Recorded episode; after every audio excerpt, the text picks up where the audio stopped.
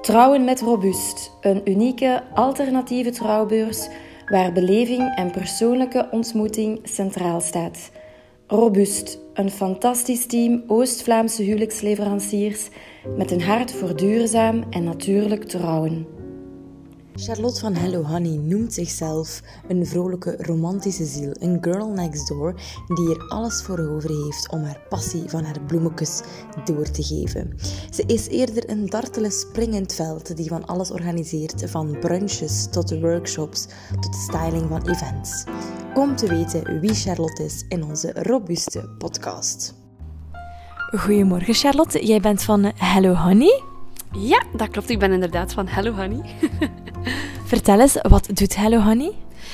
Um, met Hello Honey probeer ik eigenlijk mensen die een huwelijk organiseren of een event of workshops uh, te begeleiden, maar dan vooral op floraal vlak. Dus ik ben vooral floriste en styliste. Um, en ik probeer mensen op een zeer romantische en speelse manier te inspireren. Ik kan me voorstellen dat jij niet op een dag bent wakker geworden en dat je gezegd hebt van... Goh, en nu ga ik eens floriste worden. Hoe, hoe is die passie er gekomen? Hoe is dat gegroeid? Bij mij is dat eigenlijk vooral gekomen... Ik heb altijd voor bakker-patissier gegaan. En uh, ik vond het ontzettend leuk. Dat is altijd heel erg mijn passie geweest. En dan in mijn allerlaatste jaar mochten wij een eigen stageplaats kiezen. En ik ben dan op een sterrenzaak in Bruggen uitgekomen. En dit een eetbare bloementuin. En op het einde van die stageplaats was ik meer bezeten door die kruiden en die bloemen dan dat ik was door de patisserie en de patekens binnen. Dus niet lang daarna um, heb ik eigenlijk best wel met mezelf in de knoop gelegen.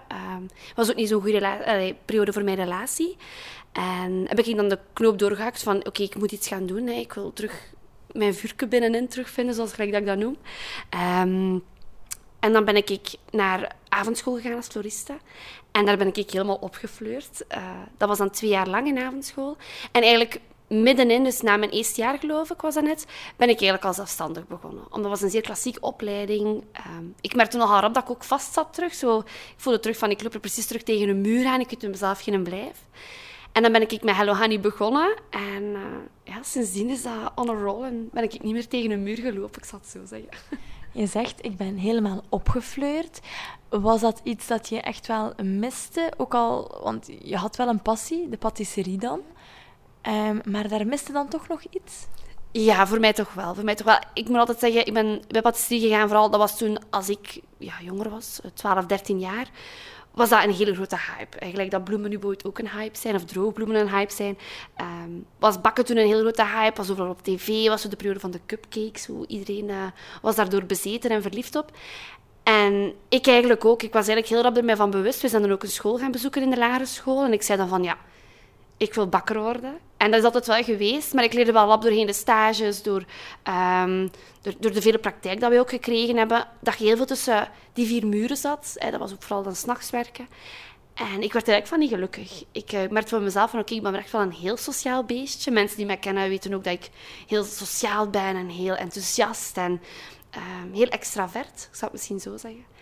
En ik kon dat niet uiten. Ik kon dat niet uiten, ook niet in de job waarin dat ik um, tot twee maand, drie maanden geleden nog zat. Hè, werkte ik als winkelbediende uh, in een slagerij van mijn vriend en mijn schoonouders. En wat ontzettend leuk was, maar natuurlijk, ik kon sociaal zijn, maar natuurlijk, ik kon mijn passie daar weer niet uitvoeren. Ik kon niet met mijn handen bezig zijn. Dus uh, ja, vandaar is dat gekomen. Ja, en dan eigenlijk op de avondschool ja. beslist van, kijk, dat wil ik doen met mijn leven dat het lijkt mij ook geen gemakkelijke beslissing om van de ene dag op de andere te zeggen: ik ga zelfstandige worden. Nee, dat niet. Dat niet. Daarmee heb ik altijd eens begonnen als bijberoep. Um, dat vonden mijn ouders ook de veiligste keuze, want ik ben ook opgegroeid in gezin met enkel alleen ondernemers. Mijn ouders hebben altijd geonderneemd, dus dat was voor mij ook maar ergens ooit een logische stap om dat misschien ook zelf ook te doen. Um, maar ik word dat wel al van jongs af aan met de paplepel meegegeven. Ik heb mijn papa ook altijd zelfstandig geweten en ook altijd een heel mooie zaak zien hebben. Dus ik heb er ook altijd naar opgekeken. En oftewel was mijn eigen patisseriezaak in de tijd waar ik van droomde, want dan was het dan nu met bloemetjes. Dus ja, die, die, die goesting was daar. Ook ja, uw eigen agenda kunnen indelen, maar ook gewoon zelf mijn projecten kunnen aannemen. Ja, mijn dromen kunnen waarmaken en niet in functie moeten staan van, alleen van iemand anders zijn dromen of iemand anders zijn, zijn doelen. Dus. Ja, je zegt nu voornamelijk de bloemetjes, maar het zijn wel meer dan de bloemetjes. Je hebt wel een, eh, een heel heel gevarieerde job. En Hello Honey is ook wel wat meer dan enkel de bloemen. Ja, dat klopt. Dus uh, naast Bloemenkes organiseer ik zelf evenementen. Uh, dat zijn meestal kleinschalige evenementen, mensen om, dat mensen me beter kunnen beter leren kennen. Dat ze eens mijn atelier komen kijken. Uh, ik ben heel erg bezig op sociale media en dan zijn mensen meestal wel curieus van wat speelt er zich af achter de schermen. ik heb ook mijn eigen Hannies Dat is dan nog een beetje gekoppeld aan het verleden dan met, met de voeding. Ik als bakker of patissier. Ehm, en ik wou dat sowieso ook nooit niet loslaten. Ik heb ook altijd in de slagerij gewerkt, ook weer met voeding. Dus dat is altijd wel iets dat bij mij is gebleven. Ik ben nog altijd een foodie. Ik eet nog altijd heel graag. Ik ben er altijd heel hard mee bezig. Maar uh, ja, dat vind ik een toffe manier om dat te koppelen. Ja, eigenlijk twee passies die dan samenkomen. Voeding en bloemetjes. Ja, zo wel. Goh, ik zou het eigenlijk nooit niet anders willen. Uh, het doel is vooral eigenlijk later een eigen atelier te hebben, maar waar dan ook bijvoorbeeld brunch kunnen georganiseerd worden. Of een, een hele kleine evenementlocatie, uh, waarin mijn atelier dan gecombineerd kan worden met dat sociaal zijn, met dat tafelen. Uh, dat staat bij mij toch wel centraal. Ja. ja, je denkt dus al heel veel na over de toekomst. Toch wel, toch wel. Uh, sinds corona was in maart, ja, was de eerste lockdown afgekondigd 2020. En dat was bij mij zo'n beetje het kantelpunt van wat ga ik doen met mijn bijberoep? Is iets dat gaat moeten stoppen? Is iets dat gaat blijven doorgaan? Ehm, en dan ben ik begonnen met anti-corona-boeketten. En vanaf dan is het bijzonder snel gegaan voor Hello Honey. Ik merkte toen opeens van... Er kwamen heel veel nieuwe volgers bij, maar ook gewoon heel veel nieuwe klanten dat ik daarvoor niet had. En uiteindelijk zijn er ook allemaal vaste klanten gebleven. Dus dat was allemaal een grote bonus. Maar ik merk, besefte wel van... Op een hele korte tijd kan het bijzonder snel gaan. En zeker in de crisistijd waarin we nu zitten van het is erop of, er, eronder. En uh, dat doet mij wel wat meer nadenken over de toekomst. En, en uh, ook ja, op een jaar tijd is er opeens een auto moeten bijkomen. Um, alleen uh, de Honeymobiel, dat is mijn eigen camionet. Um, mijn atelier is dan ook extra op orde gesteld. Er zijn extra materialen aangeschaft. Er zijn heel veel extra dingen en mogelijkheden voor mij opengaan, deuren opengegaan, dat ik niet anders kost dan snel te schakelen. Had je dat zelf verwacht als je gestart bent als zelfstandige, dat het zo snel zou gaan? In principe niet, nee. Um, want ik moet zeggen, ik ben al vier jaar nu zelfstandig uh, met Hello dus drie jaar in bijberoep en dan nu mijn eerste uh, drie maand uh, zelfstandig in hoofdberoep. Ehm, het, ik moet zeggen, het eerste jaar en half heb ik soms wel gekabbeld. Zo, ik had wel mijn werk, ik had mijn huwelijk, ik had mijn stylings, maar het was nooit niet overdreven. Ik kon de twee perfect combineren. Maar dan is corona daar gekomen en dan uh, opeens was moederkesdag daar. En dan zat ik over meer dan 80 bestellingen en, en 80 leverplaatsen. En ik moest allemaal op mijn alleen doen met een i10'tje. Dat is een heel klein Hyundai'tje. Dat is echt zo'n stadsautootje. Nog kleiner dan een Fiatje. Uh, ja, dat was een ramp. Dat was een ramp. En uh, dan heb ik dan gezegd van... Oké, okay, er moet wel degelijk iets, iets veranderen. Deze nooit meer. Nee, is nooit meer. Nee, helemaal niet. Dus eh, voor mij was het eigenlijk wel een verrassing, zeker omdat ik zie me nog zo bespreken met mijn ouders over de anti-corona-boeketten van moet ik dat nu doen? Moet ik die actie nu doen? Gaat dat aanslaan bij mensen? En ik weet nog dat mijn mama zei van, oh, misschien moet dat toch maar niet doen. En misschien zijn mensen daar mensen nu niet op te wachten. En uiteindelijk dat is een gigantisch succes geworden. En ze hebben nu heel lang plat gelegen, maar kijk, volgende week start ze dat terug op vanwege de vraag. Dus ja, heel tof. Ja, de anti-corona-boeketten komen terug. Ja, absoluut, absoluut. Je haalde net al even aan, ik doe ook um, stylings ook van, van huwelijken, want je zit natuurlijk ook bij, bij het team van Robust, uh, onder andere voor de huwelijken. Um, hoe ga je daarin te werk? Hoe, uh, hoe vinden de koppels jou? Ah, wel, ik moet zeggen, dat is onlangs er nog maar bijgekomen, omdat ik had heel veel zelf van mijn projecten gestyled. Dus ja, heel veel tablestyling en zo gedaan. En blijkbaar viel dat mensen wel op van, tja, heeft daar precies wel ergens een, een oor voor of een paar handen voor of ogen voor. Dus uh, ben ik daar ook rap op geschakeld alweer. En uh, ja, is eigenlijk die keuze heel rap gevallen van, oké, ik ga florist en styling erbij nemen. En mensen vinden mij meestal via sociale media vanwege de projectjes dat ik doe. Maar natuurlijk, ja, Robust is een heel mooie kans om ook even kunnen laten zien van dat is wat dat kan. Maar ik merk wel meer en meer huwelijksaanvragen, vooral voor 22 en 23, zijn vooral 50% voor de bloemen, 50% voor de complete styling. Dus het moet wel aanslaan, die sociale media. En heb je dan ook thema's bijvoorbeeld waaruit de mensen kunnen kiezen? Of uh, hoe, hoe, hoe, ga je te werk? Ja, um, meestal laat ik de mensen altijd een moodboard opstellen. Allee, stellen we dat samen op. Ik doe dat meestal ook aan de hand van een, een, een stylingslijst. Ik zou het zo zeggen. Dat is eigenlijk een lijst um, met bepaalde onderwerpen dat ik aankaart. En bijvoorbeeld, um, wat zijn belangrijke dingen in jullie leven? Wat zijn belangrijke standpunten in jullie leven? Dat kan bijvoorbeeld een man die gaat voetballen, bijvoorbeeld. Of, uh, of de vrouw bijvoorbeeld die um, nicer is, ik zeg nu maar. Dan probeer ik dat altijd eens te verwerken in een styling. Ik hou het wel graag van zo dat persoonlijk touchje. En uh, aan de hand van die lijst probeer ik eigenlijk aan de mensen aan te voelen van wat is voor hen belangrijk. Wat zien ze bijvoorbeeld echt niet graag. Bijvoorbeeld en mensen die, bepaalde mensen zien heel graag rood, andere mensen zien helemaal niet graag rood. Dus ik probeer dat wel wat aan te voelen van, of met wie spreek ik hier eigenlijk, met wie heb ik het hier nu. Ja. Ja, een beetje aanvoelen van welke waarden uh, zij en normen dan, welke waarden en normen zij belangrijk vinden. Ja, dat vooral, dat vooral. En ik moet zeggen, dat vind dat bijzonder interessant. Uh, als styliste is het ook wel elke keer elk project is een nieuwe uitdaging. Het is erg het voor je eigen doet. En bijvoorbeeld gelijk voor Robust, ik weet van, ik mag 100% mezelf zijn, dus dat komt heel natuurlijk. Maar ik merk als ik met koppels aan tafel zit, mensen gaan één voor mijn stijl, maar ik wil ook twee vooral in het verhaal meegaan. Voor, voor hun verhaal, voor hun passie, voor hun liefde. En dat is elke keer zo'n uitdaging voor mij. Dat is ja, dat maakt me ook zo enthousiast en zo belachelijk verliefd op, op, op huwelijken en op koppels en op de liefde in het algemeen. Dat is een heel mooi concept. En als stylisten of als floristen aan kunnen deelnemen, is, uh, is misschien voor sommigen onderschat, maar uh, voor mij van immense waarde. Immense waarde. Ja, het is natuurlijk een radio, het is een podcast. De mensen kunnen jou nu niet zien. Maar um, jij bent een enorm enthousiast persoon en je straalt dat ook altijd uit op, op andere mensen.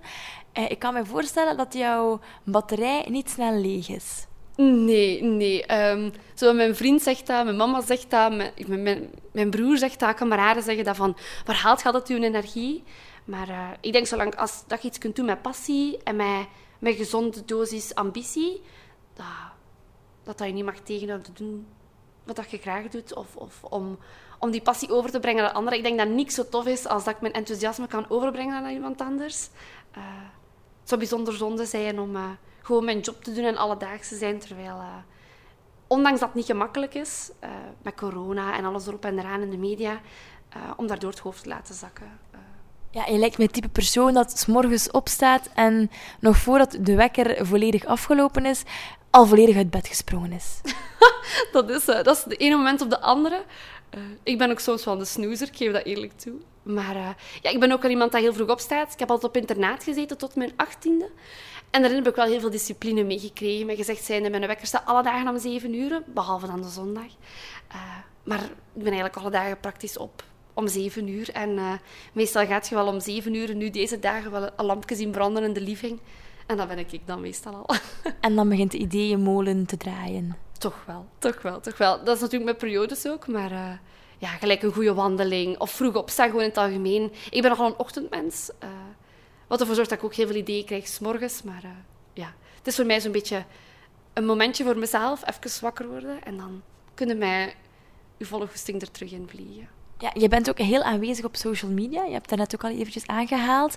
Uh, vooral via Instagram, maar ook op Facebook ben je wel uh, heel actief. Um, vind je dat moeilijk om wat te doen? Oh, ik moet eerlijk zijn, voor mij komt dat best wel spontaan. Um, in het begin had ik alles gezegd van oei, ik ga er toch ergens een balans moeten in vinden. Vooral omdat gelijk heel veel marketeerskaarten toegaan van je moet om de zoveel tijd posten en je moet voor dat uur posten. En toch, mensen moeten dagelijks van je horen. Uh, in het begin was ik daar heel erg mee bezig van oké, ik moet alle dagen aanwezig zijn. Terwijl um, nobody is gonna blame you als je een dagje niet aanwezig bent of niet aanwezig wilt zijn. Dus, maar meestal komt het bij mij heel spontaan. Uh, ook de interactie met mensen, again, dat heel extraverte in mij altijd de mensen ga opzoeken. En die interactie met mensen vind ik fantastisch. Ik vind het ontzettend leuk. Mensen zijn, zijn heel vrijgevig en heel, heel liefdevol. Ik denk dat alles begint vanuit liefde, zeker, of respect voor elkaar. Misschien dan ook beter, als het begint vanuit respect. En als je dat kunt afdingen van, van je volgers, van je klanten, dan, dan is, dat, is dat een fantastisch reisje, ik zal het zo zeggen. En van waar komen de meeste klanten van jou? Komen die van, van over heel het land? Toch wel, toch wel. Uh, het gekste is, ik heb ooit op een huwelijksbeurs gestaan in Antwerpen. En nog altijd mijn grootste doelgroep is en blijft Antwerpen. Terwijl ik nooit in Antwerpen gewoond heb. Ik heb er gewoon één keer gestaan op een beurs. Maar ja, ik heb daar blijkbaar heel veel mensen verliefd gemaakt. En, uh, maar die zijn meer dan welkom, absoluut, absoluut. En Hello Honey leeft verder na de beurs in Antwerpen. Toch wel, blijkbaar. blijkbaar. Tegen alle verwachtingen in. was ook eigenlijk een zeer kalme beurs. Maar uh, ja, ook, ik denk, sociale media geeft ook het gevoel dat iedereen veel dichterbij is dan dat het werkelijk is. En dat maakt het denk ik ook wel tof. Eens dat dan zo acties worden besproken en als je dan spreekt over leveringen, ja, naar Antwerpen ga ik nu niet direct doen. Maar uh, dat enthousiasme betekent al heel veel, absoluut. Ja, en jij profileert je ook wel echt hè, op sociale media. Ja. De mensen moeten het gevoel hebben dat ze met jou een koffie kunnen komen drinken. Ja, dat, dat wel. Dat wel. Um, ik wil zo'n beetje, hoe moet ik dat zeggen? ik wil dat mensen zich heel thuis voelen in mijn atelier, dat ze altijd welkom zijn.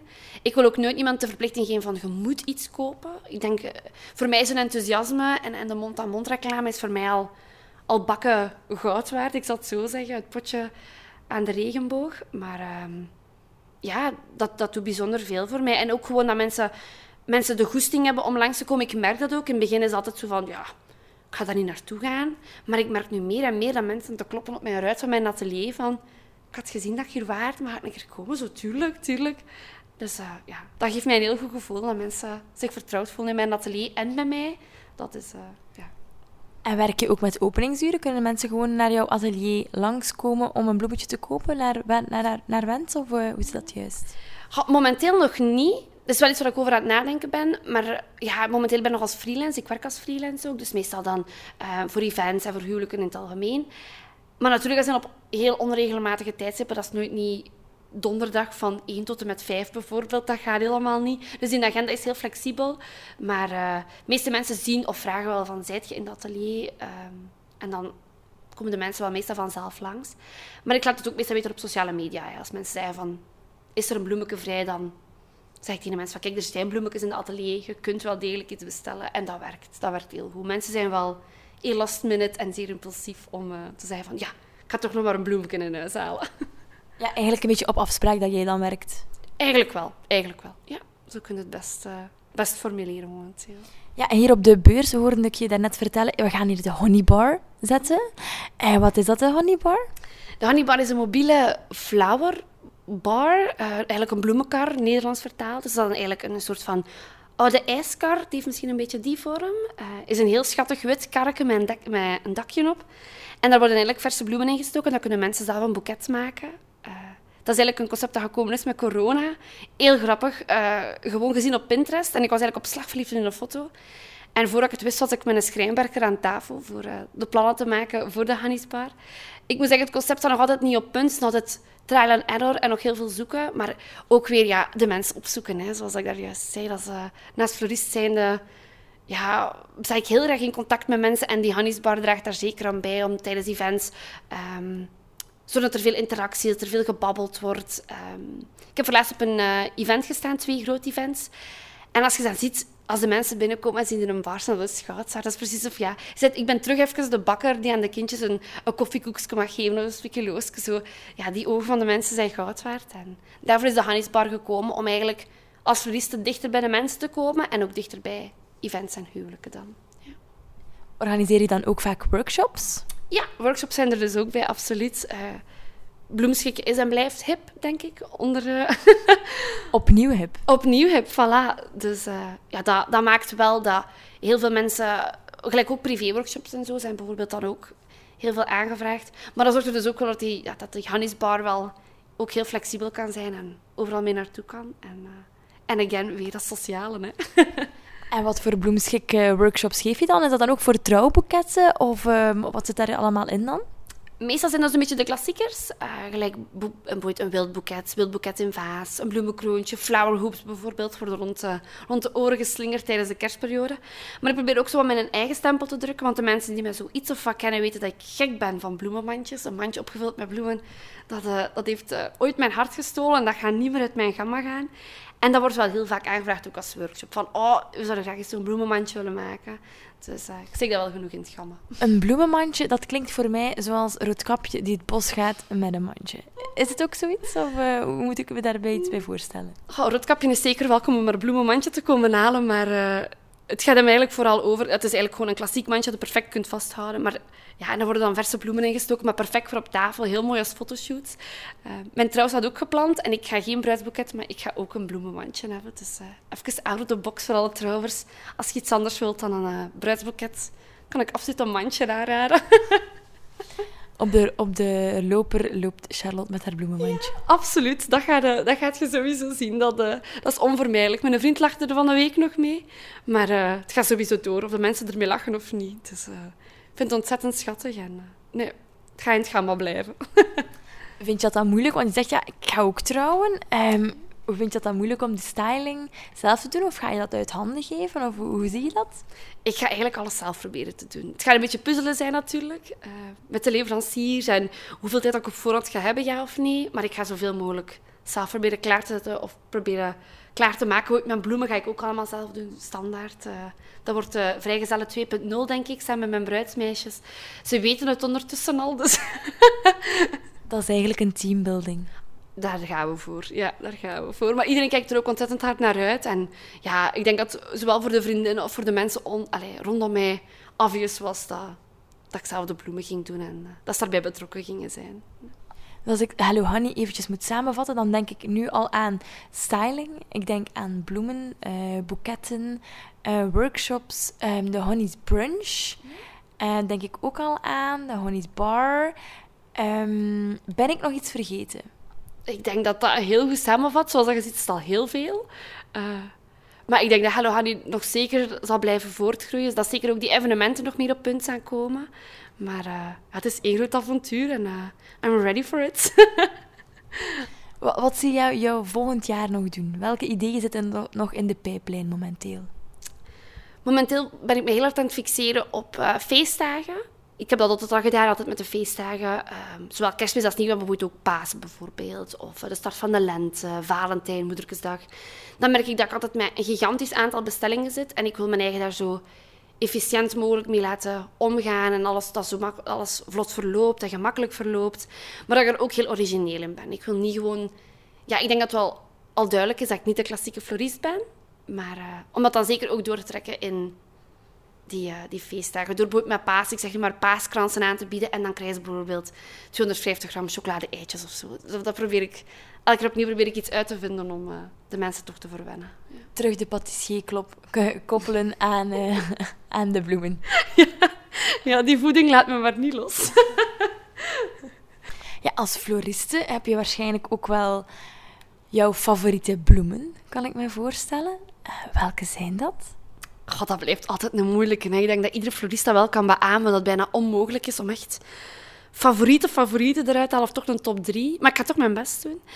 Ik denk bij mij sowieso standaard is en blijft op nummer 1, dat zijn rozen. Ik ben eh, heel klassiek, maar ja, rozen zijn, zijn zo veelzijdig, zijn, zijn zo elegant, zijn sierlijk. Ja, ja ik, ben, ik ben echt eh, een rozenfan. Nummer 2. Goh, het is echt moeilijk. Ranonkels, denk ik ook sowieso. Altijd wel met het seizoen dan, als de lente. Ranonkels, daarbij moet je me even helpen. Dus meestal, een, ehm, meestal enkel beschikbaar in de lente. Ik merk nu dat ze daar meer en meer flexibel in worden. Gelijk nu met de, eindejaarspers- met de eindejaarsperiode zouden we ze waarschijnlijk ook kunnen krijgen. Maar dat zijn meestal al wat duurdere tarieven dan. Maar, maar waar kan ik dat? dat is eigenlijk een soort, ja, dat is ook een soort roos eigenlijk. Ik kan het eigenlijk niet beter vergelijken. Als je ranonkels gaat opzoeken op internet, ga je zo zeggen van, dat heeft wel iets weg van een roos. Het is, het is ook een, een bolletje, ook heel veel blaadjes, heel veel lagen. En ook zeer leuke kleuren. Zeer leuke kleuren. Levendig. Heel levendig, absoluut. Ja. En nummer drie? Dat is misschien al een iets moeilijker voor mensen. eh, maar voor de mensen die hem toch kennen, chapeau, de violier. Violier is eigenlijk, eh, is eigenlijk een, een, eerder een langwerpige bloem, ik kan het zo zeggen, langwerpig, puntig. Maar heeft een fantastische geur. Ook, eh, de kleuren worden daarin beter en beter. En dan hebben ze zo'n oud roze kleur. En daar ben ik helemaal verliefd op. Enkel op de geur alleen al. Maar ja, violier, als ik dat zie in de groothandel, dan heb ik het meestal wel mee. En werk je ook met droogbloemen? Dat is een, denk ik, de meest gestelde vraag die ik krijg. Het antwoord is nee. Eh, als dat voor een huwelijk is, kan ik dat er zeker wel ergens tussen muizen. Of als dat, als dat ergens mee als detail wordt verwerkt, is dat voor mij geen enkel probleem. Maar er zijn zodanig veel droogbloemfloristen in België die al aanwezig zijn, die het bijzonder goed doen, die er ook veel meer kennis aan hebben dan ik. En ik heb al een tijdje geleden, sinds dat de trend denk ik twee jaar geleden begonnen is, heb ik toch voor mezelf de keuze gemaakt van als mensen erachter vragen, wil ik hun gerust helpen. Maar in het algemeen ga ik er geen reclame over maken. Er zijn meer dan genoeg mensen dat daar echt mee gespecialiseerd zijn, echt getalenteerd in zijn ook. En ik ben gewoon veel meer verliefd op de, op de verse bloemen. Niks kan voor mij erboven gaan. Dus eh, ik kan het gerust doen, maar liever de verse bloemetjes. De verse bloemen blijven eh, de nummer één van, van Hello Honey. En eh, we vinden duurzaamheid ook heel belangrijk binnen het team van Robuust. Hoe zit duurzaamheid verweven ehm, binnen jouw bedrijf? voor mij is duurzaamheid ook een belangrijke key. Niet een evidente key als florist, maar toch zeker eentje dat duidelijk aanwezig is. Ehm, zo is zowel de groene blokken dat we kennen, eh, oasis waarin dat we bloemschikken wel bekend, ehm, is zeer slecht voor het milieu. Is uh, heel moeilijk afbreekbaar. Um, ja, kunnen we ook niet composteren, dus dat wordt eigenlijk meestal verbrand gewoon in, uh, in ovens. Dus eigenlijk bijzonder slecht voor het milieu, kunnen we eigenlijk niks mee doen. Dat is een beetje denken aan uh, Isimo, maar dan in het groen. Ja, voilà, absoluut. Zo kunnen we het best vergelijken. Um, en daarmee werk ik eigenlijk altijd met kippengaas. Ik probeer eigenlijk zoveel mogelijk dat te elimineren dat dat eigenlijk niet nodig is. Natuurlijk met bepaalde dagen, gelijk met Allerheiligen bijvoorbeeld. Dat stukjes toch wel weer en wind moeten kunnen doorstaan. Of bijvoorbeeld als er een huwelijk is en het is bijvoorbeeld in de zomer. Als persoonlijke bestellingen zijn, zoals een bloemenmandje bijvoorbeeld. Uh, kun je niet altijd met kippengaas te werk gaan. Maar van het moment dat ik het kan, van het moment dat evenementen... Uh, dat het makkelijk afbreekbaar moet zijn, dat, dat, dat gemakkelijk op te bouwen moet zijn, dan ga ik meestal wel mee de kippengaas werken en niet met oasis. Dus daar is eigenlijk wel mijn puntje uh, van duurzaamheid. Ik probeer ook zo weinig mogelijk afval te hebben, in de zin van zowel groen afval als plastic of... Ja, papier en karton is eigenlijk nog het beste van allemaal, maar zo weinig mogelijk plastic. Dus ik probeer daar wel ook altijd op te letten als ik iets aankoop dat meestal uit karton is of uit papier is en niet uit de typische plastieke verpakking, als het niet nodig is. Welke tips kan jij nog meegeven aan mensen die uh, bloemen doen op een huwelijk? Want ja, vaak worden hebben de mensen niet veel tijd om hun bloemen zelf te decoreren of komt het al de dag ervoor op de locatie? Wat zijn de ultieme tips volgens jou? als, het, als op huwelijken aankomt, zou ik zeker zeggen toch maximum of ja, minimum, ik zou maar minimum zeggen. Zes maanden op voorhand toch zeker al bij een keer checken of er nog plek is, ja of nee. Zeker nu met corona. Zeker tijdig nakijken of dat... Ja, dat is denk ik voor, voor iedere leverancier op dit moment uh, een evidentie, ik zal het zo zeggen.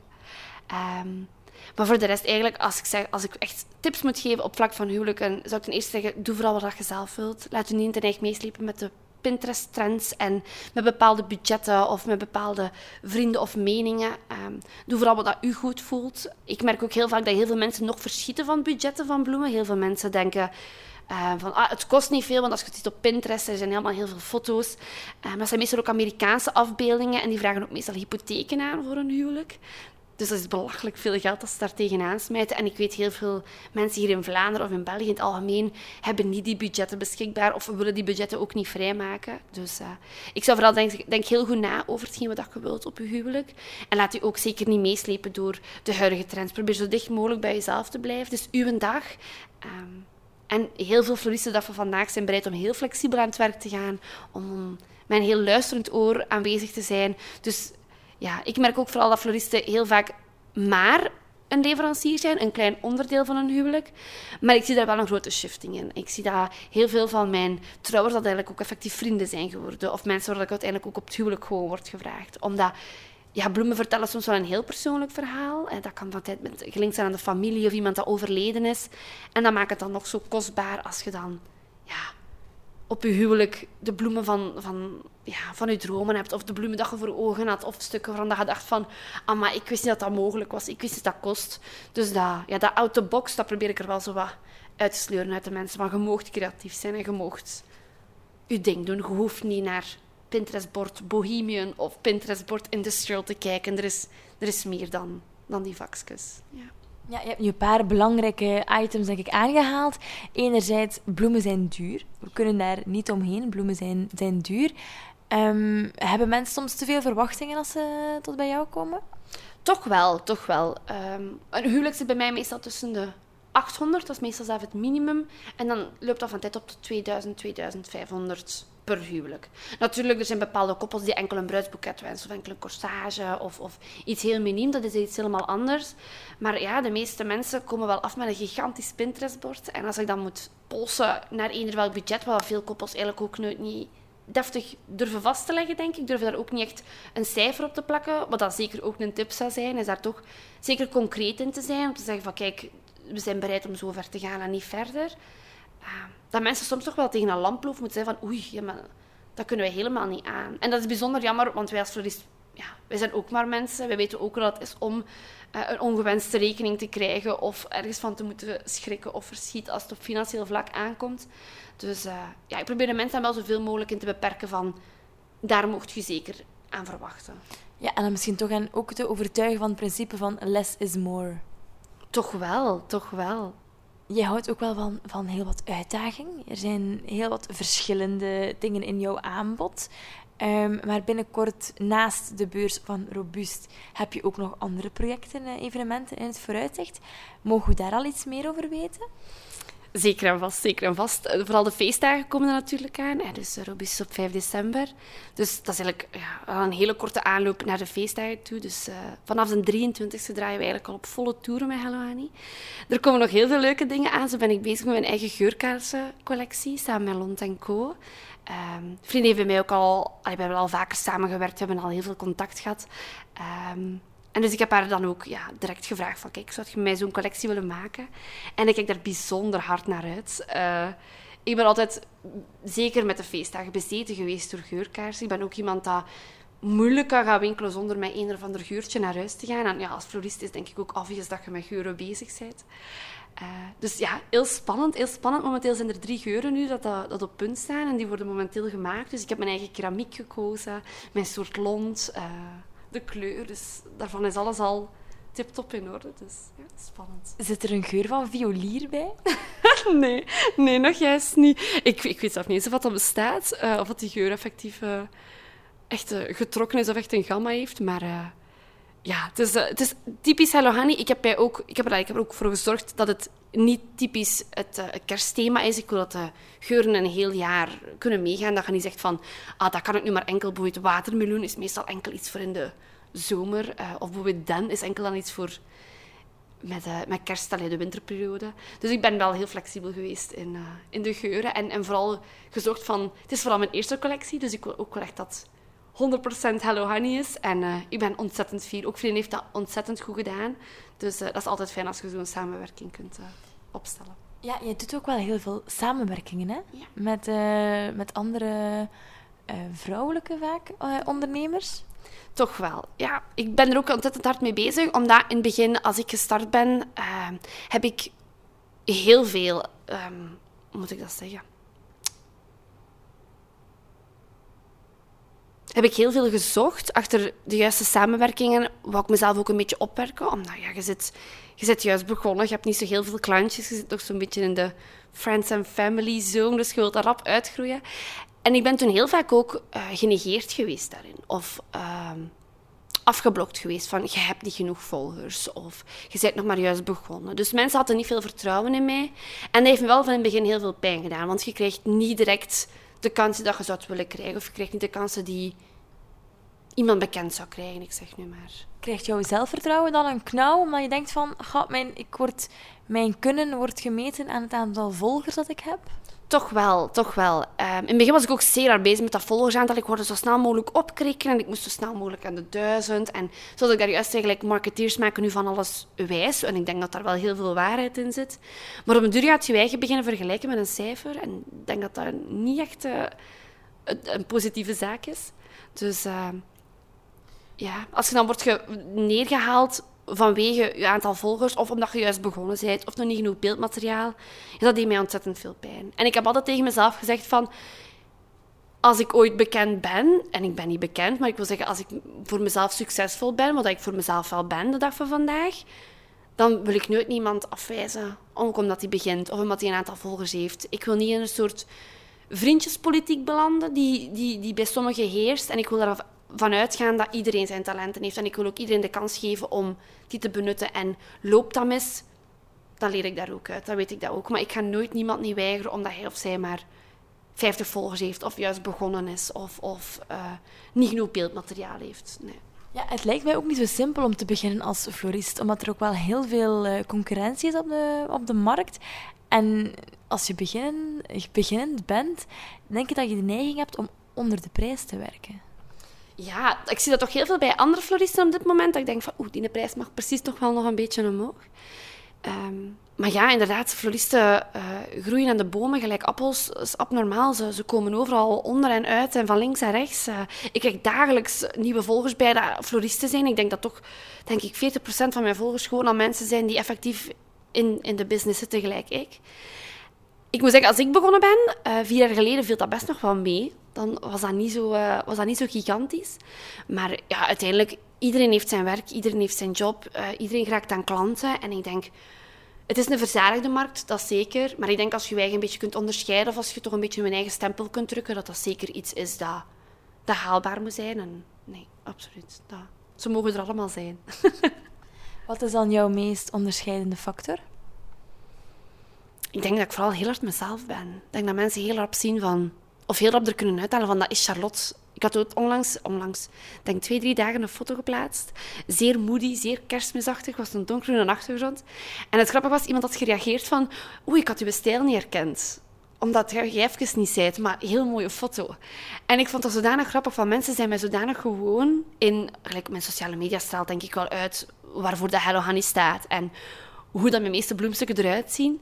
Maar ja, ik kon mezelf ook gewoon eens uit de box tonen. Maar het viel wel heel hard op dat mensen blijkbaar heel hard ge, gespijkerd zijn of genageld zijn aan mijn stijl. En dat die ook gewoon heel makkelijk te herkennen valt. Ik denk dat dat wel key is voor als florist zijnde van... Dat is uw stijl. Je hebt jouw image. Dat is, ja, ja, eigenlijk wel. Ja. Een beetje mijn eigen Wikipedia... Wikipedia... Nee, Wiki...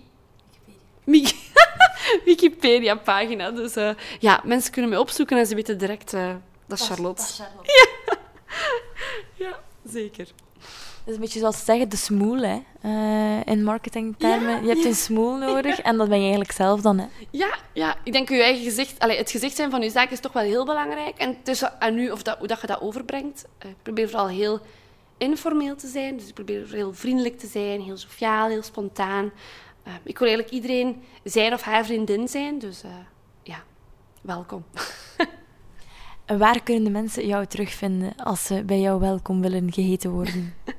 Zeker. Dus um, ja, gewoon Hello Honey. De website is www.hellohoney.wf.be. WF is een heel lang verhaal, uh, maar daar ga, ik er niet, daar ga ik niet over uitweiden. Maar het is een grappige woordspeling en ze gaat daar zeker blijven. Op Instagram is gewoon hellohoney.be. En ik geloof dat Facebook, als je Hello Honey intikt, dat er ook direct gaat opkomen. Dus uh, absoluut. En waar is jouw atelier gevestigd? Mijn atelier is in Wetteren, dus helemaal niet ver af, een kwartiertje van Prullenbos. Uh, is op de Massense Steenweg 297. Het is een gigantische grote blauwe poort, maar uh, een WhatsAppje of een uh, Instagram berichtje volstaat om, uh, om eens langs te komen. Om toegang te krijgen tot het paradijs van Charlotte. Absoluut, geen wachtwoorden nodig. Dankjewel Charlotte en heel veel uh, succes en tot snel, want volgende week is het al zover, dan is onze robuuste beurs er. Ja, spannend. Tot dan.